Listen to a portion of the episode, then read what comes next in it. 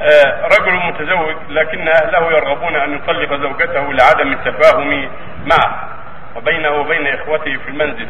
ولم تأتي بشيء يوجب طلاقها علما بأن المحبة والتفاهم سائد بين الرجل وامرأته. فما العمل؟ جزاكم الله خيرا.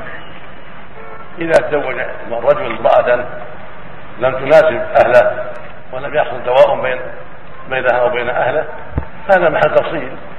إن كان ذلك لسوء تصرفاتها وسوء عملها وأنها تتهم بالشر فينبغي له فراقها والنساء سواها كثير.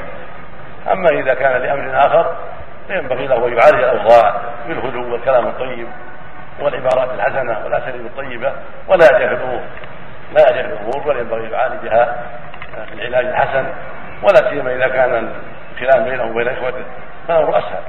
أما إذا كان بين الأبوين فالأمر أشد. فينبغي له أن يجتهد في علاج الموضوع مع أبويه لأن حقهما عظيم ولأن برهما واجب.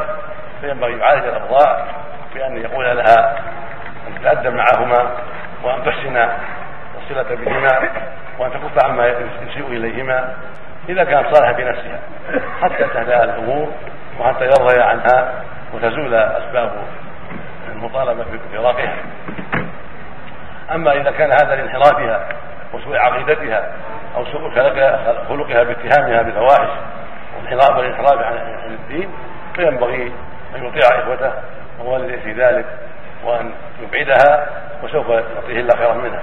كما قال الله جل وعلا ومن يتق الله يجعل له مخرجا. ويرزقه من هذا لا ومن يتق الله يجعل له من امره يسرا. نسأل الله للجميع الهداية.